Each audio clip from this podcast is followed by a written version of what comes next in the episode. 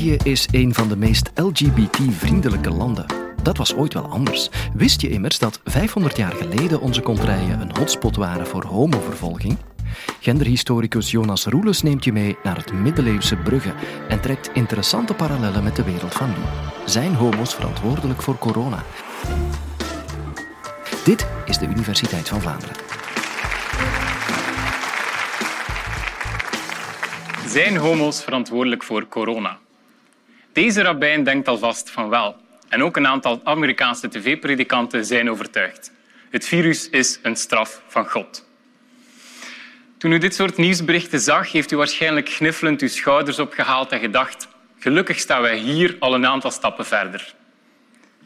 Maar laten we eens kijken naar nieuws van hier. In augustus 2018 werd een Gens homokoppel overvallen door hun buren. Het gewelddadig karakter van die confrontatie en het feit dat de daders uit de nabije omgeving van hun slachtoffers kwamen, choqueerde. De publieke opinie en de media reageerden dan ook verontwaardigd. En ik ga ervan uit dat u als tolerant publiek bij het zien van dit soort nieuwsfeiten ook meteen sympathie had voor de slachtoffers.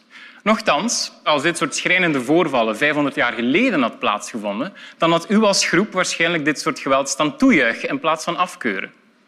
Ja, ook u, mevrouw. Laat ons mentaal eens terugkeren naar zo'n 500 jaar geleden, naar de jaren 1450, 1500. Op dat moment woont u waarschijnlijk in een middeleeuwse grootstad, want onze regio is een van de meest verstedelijkte ter wereld op dat moment.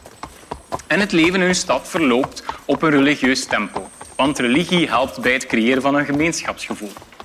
En de eenheid in uw stad wordt gesacraliseerd door klokkengelui, door stadsheiligen, door tal van publieke ceremonies en processies en gevoelt u één groep door die religie. Religie heeft dus een heel grote impact op je dagelijks leven, tot in uw slaapkamer toe. Want er heersen op dat moment heel wat afwijkende visies op lust en liefde, op seksualiteit en moraliteit. Dingen die wij vandaag de dag vanzelfsprekend vinden, daar had men toen een heel andere visie op. Zo bestond het woord homoseksualiteit bijvoorbeeld niet. Meer zelfs, er was niet zoiets als een seksuele geaardheid. De samenleving werd niet opgedeeld tussen hetero's en homo's. Om homoseksualiteit te benoemen gebruikte men een term sodomie. Dat was een heel brede paraplu-term waar heel wat afwijkende seksuele handelingen onder vielen die niet op voortplanting gericht waren. Dat kan gaan van masturbatie tot uh, anaal geslachtsverkeer bij man en vrouw, kindermisbruik, bestialiteit, dat seks met dieren, maar eerst en vooral homoerotische handelingen. En ook dat begrip sodomie had een zeer religieuze oorsprong. Het komt van het Bijbels verhaal over Sodom en Gomorra. Twee steden die door God met vuur en zwavel van de aardbodem weggevaagd werden omdat die mannen seks met elkaar hadden. In bijbelse tijden kon God dus niet echt lachen met sodomie. En men vreesde in die middeleeuwen en die vroegmoderne tijd dat hij er ook dan nog niet al te happig op was. Dus was het zaak om die toren van God te vermijden. De vrees leefde immers dat hij opnieuw kon terugkeren en opnieuw zou ingrijpen. Hij zou ons straffen met hongersnoden, uh, oorlogen, uh, aardbevingen, overstromingen en al tal van andere zaken als we te laks omsprongen met die sodomieten. En je ziet, ook nu zou God dus geen onderscheid maken tussen schuldigen en onschuldigen. Dus het was zaak om zelf het heft in handen te nemen. Strenge straffen op te leggen aan die sodomieten om Gods wraak te vermijden. En de straffen waren streng. Zeker in onze regio. In de zuidelijke Nederlanden, want zo heet dit gebied op dat moment, is de standaardstraf de doodstraf. De brandstapel. Een soort symbolische reenactment van dat hemelse vuur uit de Bijbel. En zoals gezegd, onze regio was dus bijzonder streng. Als historicus gespecialiseerd in gendergeschiedenis heb ik jaren archiefonderzoek gedaan om die vervolgingscijfers van die sodomie voor onze regio nu in kaart te brengen. Mijn onderzoek heeft uitgewezen dat er tussen het jaar 1400 en het jaar 1700 sodomie nergens in West-Europa zo vaak bestraft werd als hier in de zuidelijke Nederlanden. In steden zoals Londen, Parijs, Amsterdam is die bestraffing zo goed als onbestaande. Op datzelfde moment worden er hier 250 personen en meer geëxecuteerd. Bijzonder streng dus. En dat is voor degenen die het minst geluk hadden. Als je geluk had, dan werd je levenslang verbannen.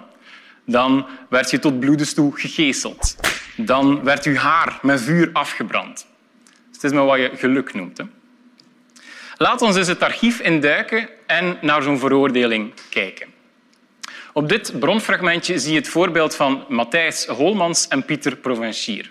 Twee mannen uit Brugge die in 1507 bekennen dat ze ten meer stonden en met diverse personen de abominabele en horribele zonde van de sodomieën gepleegd hebben. Dat zijn bombastische woorden om te zeggen dat ze op verschillende momenten met verschillende mannen seks hebben gehad. En dus werd beslist om beide mannen te rechten met den vieren en den staken en de alzo van levende lieve ter dood te brengen als bugger. Bugger was toen een populair scheldwoord om sodomieten aan te duiden. Dat is in gans Europa zo. En dat leeft tot op vandaag de dag door in het Engels. Als een Brit uh, ambetant loopt, dan gaat hij zeggen bugger off. Dus sodomie is alive and kicking, als het ware.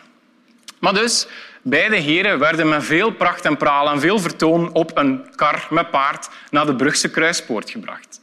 Daar wachtte de beul op hen, want die had daar al een schavot gebouwd met palen en balen stro en die bond hij daar aan vast en hij stak de boel genadeloos in lichterlaaien. Een publiek staat toe te kijken, sommigen met medelijden, anderen waarschijnlijk joelend. En in dat publiek staan ook twee schepenen van het stadsbestuur, om ervoor te zorgen dat alles daar toch een beetje ordentelijk verloopt.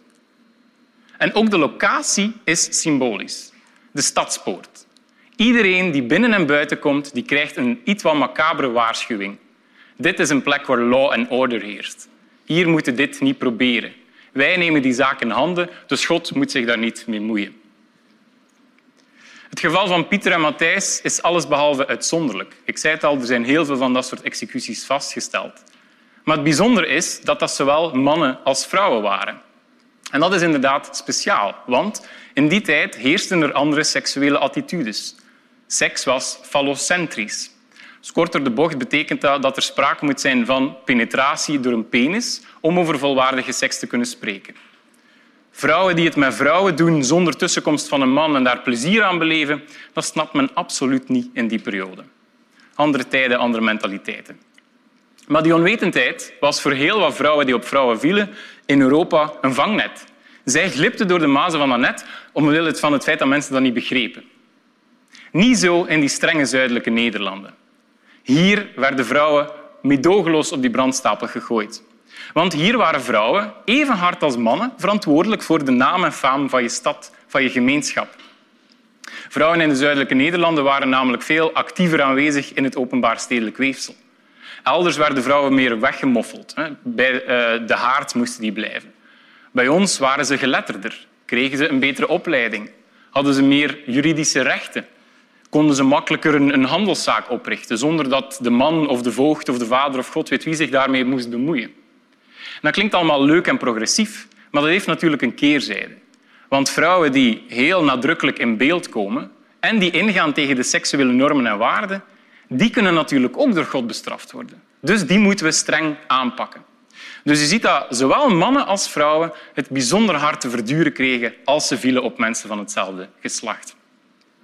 Dat gebeurde bijvoorbeeld ook in 1482, wanneer in Brugge maar liefst zes vrouwen tegelijkertijd op de brandstapel gegooid worden. Een soort macaber groepsschouwspel om vooral duidelijk te maken don't try this at home. Dat ik u nu al twee voorbeeldjes uit Brugge gegeven heb, is totaal geen toeval. Brugge stak er met kop en schouders bovenuit binnen onze contraien als het aankwam op het vervolgen van sodomieten. In, het in zijn eentje was die stad bijna verantwoordelijk voor zowat de helft van de executies die ik in mijn onderzoek gevonden heb. En dat strenge vervolgingsbeleid is waarschijnlijk het gevolg van de zogenaamde zondeboktheorie. Dat is een mechanisme die stelt dat samenlevingen in moeilijkheden nood hebben aan een ongewenste minderheid. Een soort externe vijand om te marginaliseren en alle kwalen in de samenleving op af te schuiven. Alles wat er misloopt in de samenleving is hun fout. En in Brugge liep er het een en ander mis op het einde van de 15e eeuw, begin van de 16e eeuw. Er waren heel wat opstanden, politieke revoltes, onrust. En dat was niet goed voor het economisch klimaat. En ook het echte klimaat werkte wat tegen, want je had de verzanding van het Zwin, waardoor Brugge geen rechtstreekse toegang meer had tot de zee. Buitenlandse handelaars bleven weg, gingen andere, andere oorden opzoeken. Brugge ging door een periode van stagnatie, crisis, verval. En net op dat moment zien we die processen de hoogte ingaan. Als dat verval weer gestagneerd is, als Brugge zich zo heeft neergelegd bij de nieuwe situatie, dan zien we die processen weer dalen.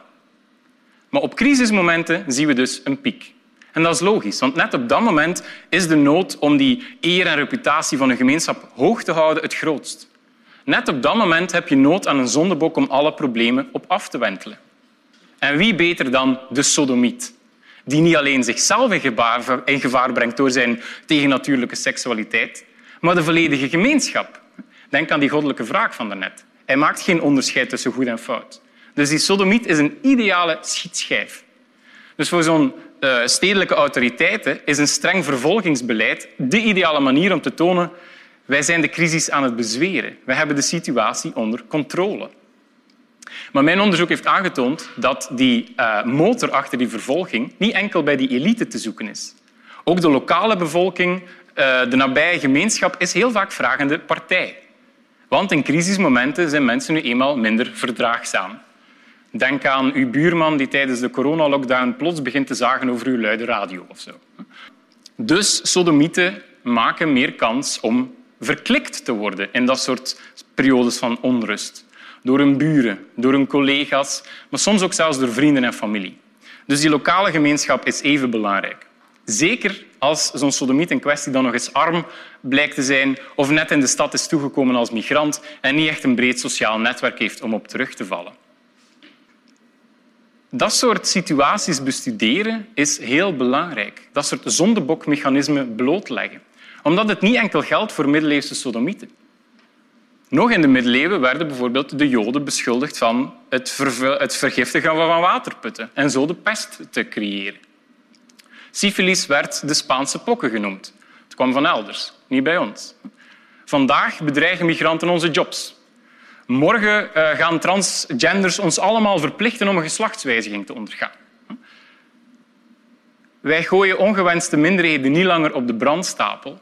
Als je ziet op wat voor wijze wij mensen aan de virtuele schandpaal nagelen op social media, dan kun je niet anders dan concluderen dat dat soort zondebokmechanisme bij ons nog altijd aanwezig is. En ook autoriteiten maken zich daar schuldig aan. Trump noemt eh, het COVID-19 het Chinese virus. Het moment dat Poetin zijn economie ten onder gaat door Europese sancties, zegt hij dat homoseksualiteit een westerse uitvinding is, die bij hen niet voorkomt. Dat is echt tekstboek middeleeuwse retoriek om de aandacht af te leiden van binnenlandse problemen. En homo's zijn dan heel vaak kop van jut. Is onze geschiedenis dan een soort onweerlegbare spiraal van homofobie, geweld en intolerantie? Gelukkig niet. België is sinds 2003 het tweede land ter wereld geweest om het homohuwelijk in te voeren. En sinds heel wat jaren staan wij consequent in de top drie van de Rainbow Index. Dat is een soort index van de meest LGBT-vriendelijke landen.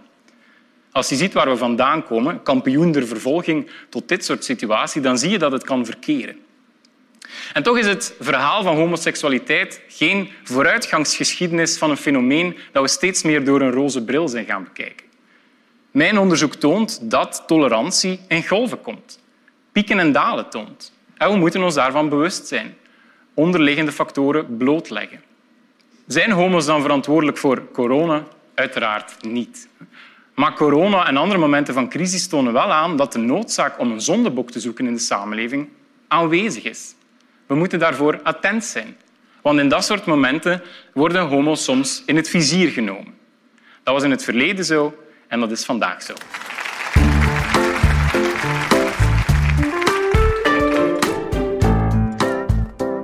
Niet alleen mensen bezondigen zich aan discriminatie, ook robots kunnen er wat van.